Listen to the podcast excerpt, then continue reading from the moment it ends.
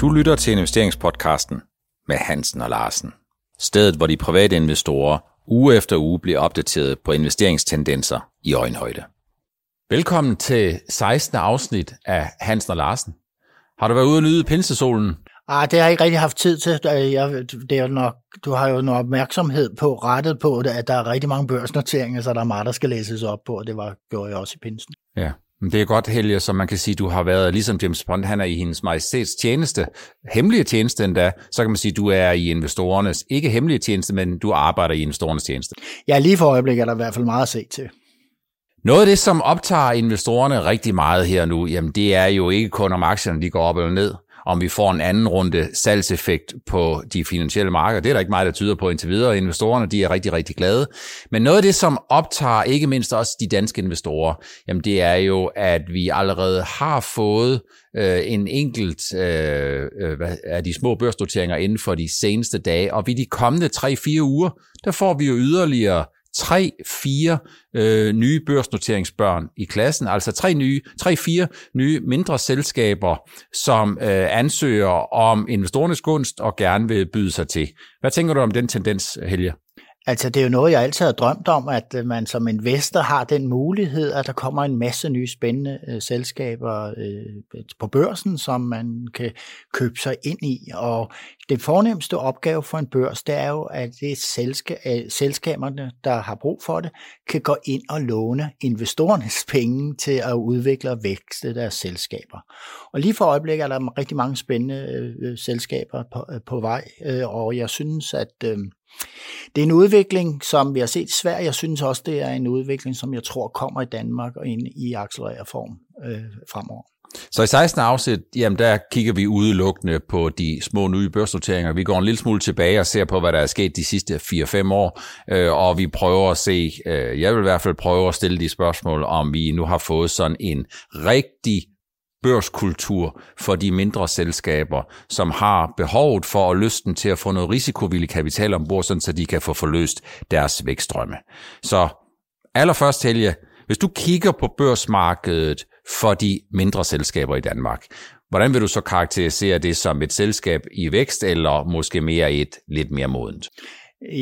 Altså generelt vil jeg sige, at det her med de her små børsnoteringer, det bærer jo præg af, at der er en masse likviditet lige når, når selskaberne kommer på børsen, og så ryger kulturen i takt med, at interessen for selskaberne forsvinder og fordufter, altså fordufter simpelthen meget hurtigt, så der ikke er så stor handel i dem. Så der på den måde kan man sige, i modsætning til Sverige, hvor der bliver handles livligt i alle de her selskaber næsten hver dag, så er der en tendens til, at øh, handlen går i stå, øh, når, lige så snart selskaberne kommer på børsen. Men mindre de en gang imellem øh, kommer med nogle rigtig gode nyheder, eller nogle rigtig dårlige nyheder, så bliver der handlet meget, meget mere livligt.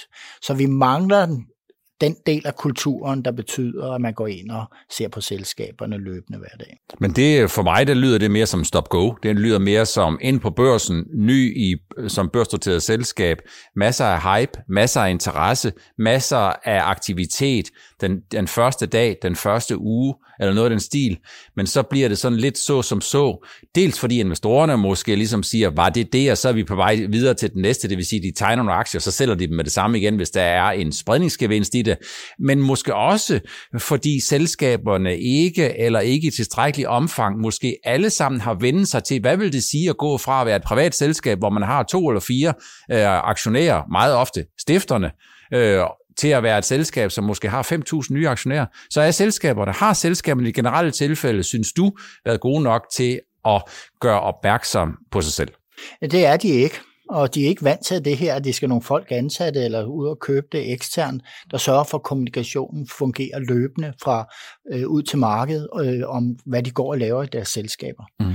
Det svigter de utrolig mange gange på, og det, jeg bliver ved med at sige det, hver gang der kommer nogen og spørger, kan vi skal, hvad vil du sige til, hvis vi børsnoterer det her? Så jeg, du skal vide, det er et stort arbejde på et område, som I ikke kender til måske i forvejen, og det er det med, med kommunikationen til markedet. Hvad er det for et feedback, som du så får, når det er sådan, du siger det en, to eller tre gange til det enkelte selskab, eller så mange selskaber, får du noget feedback, eller siger det ligesom, det må komme hen ad vejen, lidt ligesom man får indtrykket af, når man er til en jobsamtale, og man får at vide, stigende løn, det er altså noget, du er nødt til at gøre dig fortjent til hen over tid, når du viser, hvor meget du er værd. Igennem årene har det jo været sådan, at når jeg har sagt det, så siger de, ja selvfølgelig, det skal vi nok. Mm. Men jeg ser jo, at det bliver glemt, mm. altså, og det bliver nedprioriteret. Og øh, så sker der så det, at hvis der er nogen, skal bruge penge en gang til, så bliver det opprioriteret. Ja. Så det er sådan, jeg synes, at øh, hvis kulturen virkelig skal være med os, så skal selskaberne også forstå det her element bedre, end de gør i dag. Men for mig, der er det jo lige nøjagtigt inde i hjerteblodet eller hjertekuglen af nogle af de udfordringer, som vi har haft, og som dem, der gør det bedst, er i stand til at øh, klare med bravur, men de fleste faktisk ikke er klar over. Øh, for mig, der er det jo sådan, at hvis du kun har private investorer, så kan du for alvor mærke pulsen. Du kan, øh, øh, øh, I princippet, så kan man sige, private investorers aktier, de er jo til salg hver eneste dag, og den store forskel mellem at være et selskab, et stort selskab, der går på børsen, jamen det er jo, de mangler den der ryggrad, hvor der er nogen, der køber ind for at se, øh, selskabet vokse over tid. Du har måske 90% institutionel kapital, og så har du 10% privat kapital, men det er de 10%, også i de større, som, som skaber aktivitet og som skaber pulsen. Men når du kigger på de mindre selskaber, så har du i hovedsagen 0% institutionel ejerskab, 100% private, og det er jo et rigtig godt eksempel på, hvorfor det er så vigtigt at forventningsstyre, for de private har jo ikke analytikere, som de kan læne sig op af for at se på indtjeningsestimater og vækstestimater, og er selskabet nu på plads. Så øh, hvordan skal vi komme over den her hurdle, udover at du utrætteligt skal blive ved med at sige det her? Jamen, jeg tror, jeg tror også, at øh, markedsdeltagerne, de private investorer, skal ligesom vende sig til, at det er et specielt område, det her med de små selskaber. Prøv at lægge mærke til de her noteringer, der er øh, for øjeblikket. Der er meget lidt fortælling om den del af, hvor meget forventer vi at komme til at omsætte det næste halve år, næste år og mm. alt det her. Det er, sådan, det er lidt fluffy det hele, for de vil ikke gå ud og love for mig, det, for meget. Det forstår jeg godt. Men det er, når, når man investerer sig i et selskab, så bør man en af de her små selskaber, man har fat i interesse, så bør man møde op til generalforsamlingerne, og man bør ringe til virksomheden og sige, prøv at høre, vi mangler noget opløsning om det, og det, løsning om det, og det marked, I har øh, der, øh, hvad, hvordan under corona, og så videre, og så videre. Altså simpelthen være aktiv som investor, når man går ind i de små her. Så kan man, man kan tegne på selve, øh, på, på selve introduktionen, og så kan man ellers se kvartal, kvartal efter kvartal, men man skal være aktiv, synes jeg, som investor i det her. Det er det, der er charme, i hvert fald for mig. Jeg køber aldrig selv øh, i de her selskaber, før de er, er modnet hen ad vejen. Nej. Så kan jeg godt gå ind og sige, okay, nu er det gået tre kvartaler, de har holdt, hvad de har lovet. Ja. Så øh, på den her. Vi kommer mere tilbage til det her, men inden vi gør det, så øh, kunne jeg godt tænke mig lige at lave sådan et tilbageblik på de selskaber, som er blevet børsnoteret af de mindre selskaber inden for de sidste fem år. Det her, det er ikke nogen anbefaling. Det er ikke det modsatte, det er bare en konstatering af, at hvis jeg skal kigge på, hvordan det er gået med de selskaber, som er blevet børsnoteret, så har jeg delt dem op i sådan tre-fire forskellige grupper, udelukkende ud fra, hvordan det er gået med aktiekursen over en længere periode. Ja, ikke hvordan kører driften og det, men Nej. aktiekursen alene, og det, det er en reel måde at gøre det på. Så i Øh, I den gruppe, som jeg kalder bestået med kursglans, jamen der har jeg selskaber som Vaturo, og jeg har Consolidator, og det er ikke nogen anbefaling. Det er udelukkende ud fra øh, betragtning om, at det er altså selskaber, som investorerne de har taget rigtig godt imod. Hvis jeg skal gå til den næste gruppe, som jeg vil kalde, det er selskaber, som har bestået, ikke mindst på basis af den investor-hype, der generelt set var omkring selskaberne, så tænker jeg på selskaber som Odico, øh, som jo kom på børsen på basis af den her robotinteresse, der var i kølvandet på, at øh, mobile øh, industrial robots og de her ting, de blev solgt øh, til, øh, til USA. Jeg tænker på Stenocare, som kom på børsen øh, for et par år siden, da det der medicinsk cannabis, i hvert fald hos nogen, var meget, meget varmt. Og jeg tænker også på, at Astralis i et vist omfang. E-sport blev båret med ind af den der hype. Er du enig i, øh, at man kan sige det? Fuldstændig, og det er meget typisk, at du nævner lige præcis sådan nogle trends, der er i markedet, som de her små børsnoterede kan ride på. Øh, hvis man løber alle de her selskaber igennem og kigger på deres hjemmesider, så har de altså et stort afsnit, hvor der står alt muligt om bæredygtighed og grønne løsninger, øh, sådan så de ligesom får koblet det op, så kobler de op på den her trend. Og der er rigtig mange, der siger, jamen det er jo inden for det bæredygtig eller ja. alternativ energi, og ja. Vatura er typisk sådan en, hvor, hvor jamen, det, det, det, den ligger lige den her kanal, som, som stiger jo bredt over hele verden. Mm. Og øhm, ja, øh, små, højt specialiserede industriselskaber er nok ikke i høj kurs, hvis de kommer med, med, øh, med et produkt, der ikke lige falder ind under det her. Man kan sige, at noget af det, som investorerne godt kan lide ud over kursstigninger øh, og god fornemmelse, det er jo den her skalerbarhed, hvis der er nogen, der kommer og siger, jamen, tænk nu på, hvis vi nu kunne sælge 100 af dem her, eller 1000 eller 5000 eller et eller andet. Øh, og jeg tror, at papir er taknemmeligt, og trans er taknemmeligt, og i nogle henseender, så er der måske samtidig nogle selskaber, som er dygtige til at ride med på, hvad der lige nøjagtigt i, at, i tidsånden er nogle af de her buzzwords. Ja, og der kan du sige, at når jeg er så øh, interviewer på nogle af de her cases, så prøver jeg at gå ned i først, ikke i regnskaber og alt det, derfor det er som regel spinkel. Øh, der er dog kommet et par stykker her, som har øh, en god historik, men jeg prøver at gå ned og forstå det her produkt, som de nu sælger. Mm. Er der behov for det? Er det behov for produktet i morgen? Er der om, om 10 år? Mm. Øh, er patenterne i orden? Og alle de her ting, ja. som jeg mener, man som privatinvestor skal prøve alligevel at sætte sig lidt ind i. Det er ikke kun mig, der skal gøre, men det synes jeg, alle bør gøre derude. Sige, det her, øh, at der er det, er, føles det rigtigt? Ja. Og så kan man konsultere alle, alle man har i familien, der arbejder inden for håndværk og alt muligt, og IDB og sådan noget. Ja. Hvad mener I om sådan noget, en idé som det her? Ja.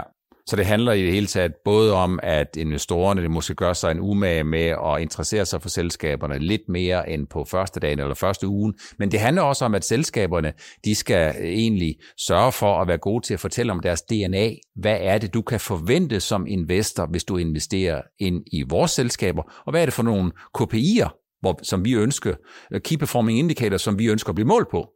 Ja, du har fuldstændig ret, og det er også igen det, som man skal spille bolden op til de her selskaber, hvis de skal på børsen. Fortæl, hvem I er, hvem I er, og så fortæl om DNA'et, og hvad der driver jer, og hvad er det for en vision, jeg har omkring det her, andet end at man gør, stikker fingrene i vejret og prøver lige at finde ud af, at ja, vi kan godt skalere det her, men hvordan vil I gøre det og være konkurrenter? Altså, der er nogle ting, man skal tænke over, når man skal sælge sådan en case til private. Så hvis vi havde de første to øh, kategorier her, dem der kursmæssigt bestod med glanser, igen, det er ikke nogen anbefaling, så har vi de, den næste gruppe, som bestod øh, ikke mindst drevet af en betydelig investorhype på det tidspunkt, hvor de henvendte sig til de private investorer. Så har jeg den tredje gruppe, som jeg kalder de stille eksistenser, som egentlig øh, har levet stille og har levet godt eller fornuftigt, og hvor, de, hvor aktiekursen ikke i væsentlig omfang Øh, adskiller sig fra børsintroduktionstidspunktet, men hvor de er i gang med at lære, hvad det vil sige at være børsnoteret. Der har jeg sådan nogle selskaber som Danish Aerospace, jeg har Celoxit, og jeg har Scape, som øh, vel egentlig øh, sådan, ikke nødvendigvis har gjort sådan super meget væsen af sig, men det behøver man jo sådan set heller ikke. Nej, de her er jo, nu, nu nævner nogle typer virksomheder, hvor som der, de arbejder bare der ud af stille og roligt, og øh, man kan jo gå ind og ligesom, dem kan man følge på en eller anden, de har en eller anden kommunikationsform, hvor man føler sig tryg ved. Mm. Øh, og øh, det sælger ikke mange billetter på hype-kontoen, men, men man skal jo, man kan gøre tingene forskelligt.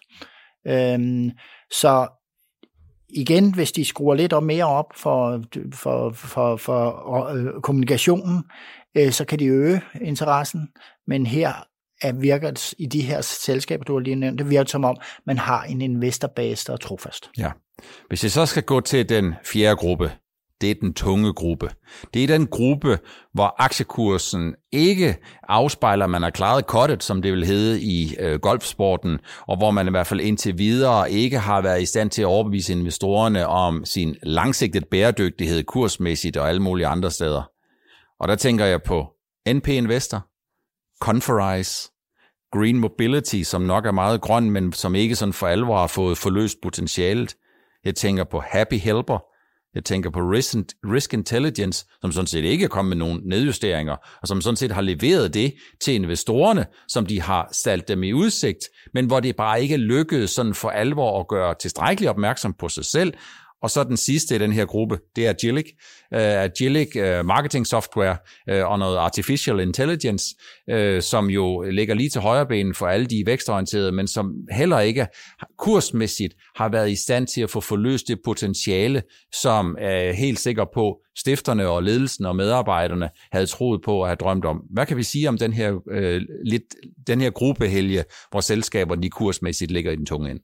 Man kan sige, at det, der kendetegner den, det er, at øh, for nogle af de her selskaber, øh, der har de forhåbninger, man har stillet øh, investorerne i udsigt om, om, om vækst og alt sådan noget, øh, det, det, er, det har man det er man langt fra. Altså, det er langt, man har ikke opfyldt, simpelthen. Men, men i stort omfang. Og der, skal man, der kan man jo se, det er der jo nogen, der har lært af, fordi de nye noteringer, de er meget forsigtige med at at blæse tingene for stort op. Og i nogle af de her, der er med her, der er det blevet blæst for stort op. Det, det tror jeg. Og så er der nogle af casen, af de her cases, der kan godt være lidt svære at forstå for sådan i, i almindelighed.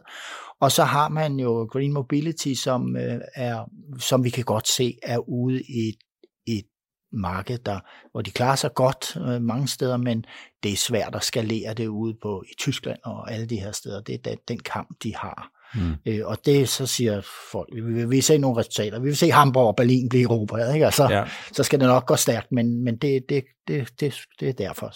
Det er min vurdering. Hvis man kigger på nogle af det her, så kan man, man kan vel heller ikke sige sig helt fri for helge. Der er mange eller flere forskellige ting, der kan spille ind. Den ene, det er om selskaberne, de har været dygtige nok. Den anden, det kan vel også være, at det kan godt være, at investorerne de har været klar til at tage imod selskaberne, men at selskaberne ikke har været klar til at tage imod investorerne.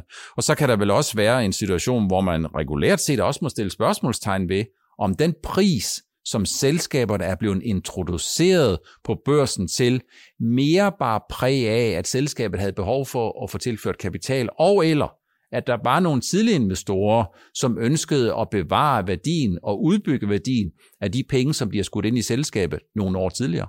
Jamen, det, du har fuldstændig ret, og, og, og det der med evaluation på de her selskaber, det er jo også noget, der hele tiden er op at vende øh, øh, blandt investorer. Mm. Og jeg vil sige, tendensen nok, tror jeg, fremover vil gå på, at man får en lavere evaluation øh, i, i markedet, øh, når man går ind, ind og bliver børsnoteret, fordi det koster for meget, hvis, hvis din forhåbning, hvis forhåbningerne, der er stillet i udsalg, så, øh, så ikke øh, bliver opfyldt. Ja, så du er jo også øh, i kontakt med nogle af de her, du er i kontakt med investorerne, og når det er sådan, at du er moderator på nogle af de her præstationer, som I laver, hvad er det typisk, som investorerne de spørger om? Hvad er det, de ønsker at blive klogere på og spørge mere ind til i det generelle tilfælde? Altså, der er rigtig mange, altså hvis vi tager sådan nogle helt lavpraktiske ting, så er der rigtig mange, der spørger, om der er log op på på, på de, de eksisterende øh, investorer ja. i selskabet. Det er meget væsentligt, og det er det også, fordi det kan jo ikke nytte noget, at en, en, en aktie stiger voldsomt, og, og, og så ryger den ned i kælderen, fordi så sælger det eksisterende ud. Ja. Så er det også meget interesseret om, om direktør og bestyrelse generelt har, har hånden på kogepladen. Ja. Det er så et spørgsmål, som næsten generelt kommer hver gang. Og hvad, er det, og hvad er det generelle? Er det så sådan, at bestyrelsen og, øh, og, og direktionen har hånden på kogepladen med nogle aktier, som de har købt for deres egne penge, eller er det sådan, at de i al væsentlighed har en ejerandel på basis af nogle optionsordninger, som egentlig kommer som en form for noget, der er gratis? Ja, det, det er lidt det er blandet, men, man, mange af de her virksomheder, vi ser nu, er jo sådan nogle øh, startups, øh, hvor, hvor man kan sige, der, der, det er jo sådan set arbejdskraften, som, som på en eller anden måde bliver belønnet i det her selskab, ikke? Så, ja. fra ledelsens side. Så hvis vi sådan skal prøve at springe en lille smule over til det, som jeg tit hører, nemlig at øh, vi benchmarkes op mod Sverige. Vi hører altid, vi gør det dårligere end Sverige. Sverige er foran os. Er det en færre sammenligning? Fordi Sverige er måske nogen af dem, der er bedst til det her i Europa, hvis ikke de er de bedste til at få tilført risikovillig kapital til mindre selskaber med vækstambitioner, hvor de gerne vil henvende sig til, henvende sig til de private investorer. Så er det simpelthen, er det fair? Er det en fair måling, at vi måler os op imod dem, som er allerskarpest? Øhm, nej, ikke på antal og, og, og hvor øvrige investorerne er. Det er svært. Det er en kultur, man har det over. Man har jo haft nogle øh, ordninger, som har været meget interessante øh, for investorerne at gå ind i, når de skulle investere i de her små. Og vi har jo prøvet herhjemme med aktiesparekontoen og alle alle de her ting. Ja. Øhm, hvor godt det virker, det, det, har, det har jeg ikke indtryk af, men jeg synes, at, at vi, små skridt, og vi skal nok komme derop, og så har vi måske, altså, en for stærk lønmodtagerkultur i Danmark. Jeg må undskylde sige det. Det er ja. kulturelt. Ja. Det der med, at skal man risikere noget og sætte hus og hjem på spil og alt muligt, når man skal starte en virksomhed. Det er der ikke så mange, der, der bliver færre og færre, der er interesseret i det. Og sådan kan det også være lidt på, skal man på aktiemarkedet. Altså, øh, ja, men vi, man er jo interesseret måske i den hurtige gevinst, men det der med det lange seje træk, mm. at gå ind og lære en virksomhed at kende. Det er lidt, det er lidt forbudt at tjene penge på aktier i Danmark, er det ikke? Jo, altså, det, der er jo en vis del af, af politikerne, som synes, at det, det, det er ikke så velanskrevet. Men man kan jo sige, at øh, hvis vi skulle lære noget af svenskerne, jamen, så skal vi jo lade os inspirere af det, der gør, at svenskerne de har succes. Så de har arbejdet med det her i mange år. Det er jo ikke bare noget, de lige pludselig har fundet ud af i 2010 og 11. De har, de har arbejdet med det at få skabt en folkelig kultur omkring det at købe aktier, spare op i aktier, spare op i selskaber, være medejer i selskaber, måske snarere end det, at man egentlig skal købe og sælge hver eneste dag. Øh, og så er det jo sådan, at man har jo en lang række skatteordninger, altså beskatning af avancer og en aktiesparekonto fuldstændig uden loft og alle mulige andre ting, hvor man tager udgangspunkt i, at hvis vi skal få, få løst det her potentiale, hvis vi skal have tilført virksomhederne den her risikovillige kapital, jamen så er det altså ikke sådan, at man kan gøre ligesom landmand, der starter med at købe sig en majetasker, og ligesom sænke, at øh, når først det her korn som kommer i den jord, som jeg ikke har købt, og det, den såsæd, som jeg ikke har anskaffet mig endnu, jamen så skal jeg bruge den her majtasker, som jeg starter med. Det kunne man godt få indtrykket af, at alle dem, der står og råber på, at vi skal have den her iværksætterkultur, eller vi skal have mere risikovillig kapital, når de står og kigger på de der 1000 milliarder kroner, som jeg hører igen og igen og igen og igen og igen, der står inde i Nationalbanken og samler støv og negative renter. Det er jo ikke aktiepenge. Og hvis man sådan for alvor gerne vil have aktiveret de aktiepenge, jamen så er det jo sådan, Helge, ligesom, lige så vel som hvis jeg gerne vil have dig til at arbejde for mig, eller gøre mig en tjeneste, så er jeg jo nødt til at gøre mig fortjent til det. Ja, men jeg, jeg vil sige, at øh, der, er, der er penge nok i vores system til, at vi kan få en rigtig god aktiekultur og mm. en iværksætterkultur. Det kan vi helt være enige om. Men den politiske vilje skal også være der. Og hvis den en dag kommer til stede, og man får lavet nogle rigtig gode ordninger på det her, så vil markedet for de her små selskaber, der bliver noteret, det vil simpelthen eksplodere. Det er jeg fuldstændig enig med dig i, så skulle det være sådan, at der er nogle politikere, som lytter med, øh, så synes jeg, det kunne være dejligt, hvis de i stedet for at tænke så meget på de tusind rare milliarder kroner, der står inde i Nationalbanken, øh, og som samler støv, eller hvor man skal betale negative renter af have dem stående, så ligesom at sige, Kom nu ind i kampen, kom nu ind her, så laver vi en fælles og en god løsning, hvor vi ikke tager udgangspunkt i alle de løsninger, vi laver. Der kigger vi først på, hvor meget det må koste. Om sådan en ny aktieordning må koste 50 eller 100 millioner kroner, når det er sådan, at de her hjælpepakker i forbindelse med covid-19, corona, ingen sammenligning i øvrigt, jamen der taler vi jo om 60 milliardbeløb, som vi skal bruge, og det kan sagtens være en god idé. Det er ikke det, jeg politiserer over. Det, jeg politiserer over, det er, at hvorfor skal vi tælle noget med kommatal og nogle decimaler, som er meget små, øh, når det er sådan, at vi i andre sammenhæng ikke har problemer med samfundsmæssigt at give 200-300 milliarder kroner ud. Det er en, en proportion, som jeg synes, at nogle af dem, som kæmper hårdt for at få skabt mere risikovillig kapital til de virksomheder, som har vækstambitioner, de skal være dygtigere til. Per, altså det politisk øh, skal tænke på, det er, har vi 10 børsnoteringer i et år, så er der måske en, der kan gå hen og blive en rigtig stor succes og ansætte en masse mennesker og udbetale en masse lønkroner, som kan blive beskattet. Ja. Men hvis vi har 100, så er der måske 10. Ja. Så det er jo vigtigt, at man får massen op på de her små selskaber, de her børsnoterer. Masser klarer ikke skærende, men der vil være nogen tilbage, som måske kan vokse op og blive nogle store, sunde, nye danske virksomheder. Vi, får, vi skaber jo ikke ret mange af de store, men det kunne være, at de lå nede i nogle af de små her. Så vi skal skabe øh, mulighederne, grobunden for, at vi får nogle flere små. Og gøde det. Nogle flere små, der kan vokse sig mellem store, og som ikke mindst har lyst til at blive i Danmark og udvikle deres forretning i Danmark. Så det første er ikke, at der er nogen, der starter en virksomhed med henblik på at få den solgt, og eller at man starter en virksomhed med henblik på at få den solgt til en udlænding, eller få den flyttet til udlandet, sådan så man kan se, at den har bedre mulighed for at vokse der, fordi det er jo ikke særlig smart, hverken i relation til samfundsøkonomien, i relation til privatøkonomien, i relation til beskæftigelsen, eller i relation til en lang række andre ting. Så jeg synes, der faktisk, der skal man gentænke nogle af de her ting.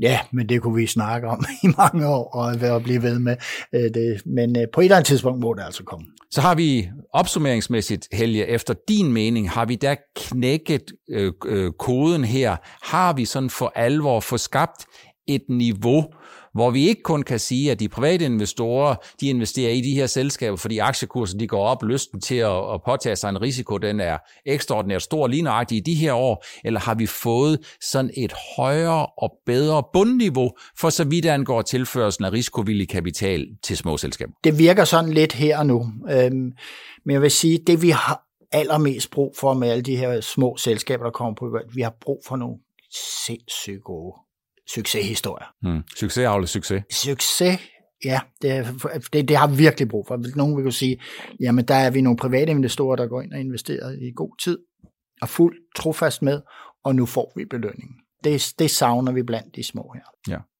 Vi er ved vejs ende af afsnit 16 med investeringspodcasten med Hans og Larsen. Vi har kigget på de små selskaber i Danmark. Jeg har nævnt nogen. Det betyder ikke, at jeg nødvendigvis har nævnt alle, men jeg har taget udgangspunkt i sådan forskellige, hvor jeg opsummerede fire grupper, dem der har kursmæssigt bestået med glans, dem, der måske var lidt øh, kom ind på børsen på basis af, at de fik noget medvind. Jeg har kigget på de selskaber, som lever stille, men som meget vel kan leve godt, og så er der den tunge gruppe, hvor der er nogen, der i hvert fald indtil videre ikke har vist sig den tillid værdig, som de private investorer de har øh, øh givet dem. Det er fortsat sådan, at I er meget velkomne til at sende spørgsmål ind til investeringspodcasten snabelag.nordnet.dk for at have muligheden for at være med til at prioritere de emner, som vi kommer til at snakke om i de kommende udgaver af investeringspodcasten med Hans og Larsen. Tak for denne gang. Vi ses igen i næste uge.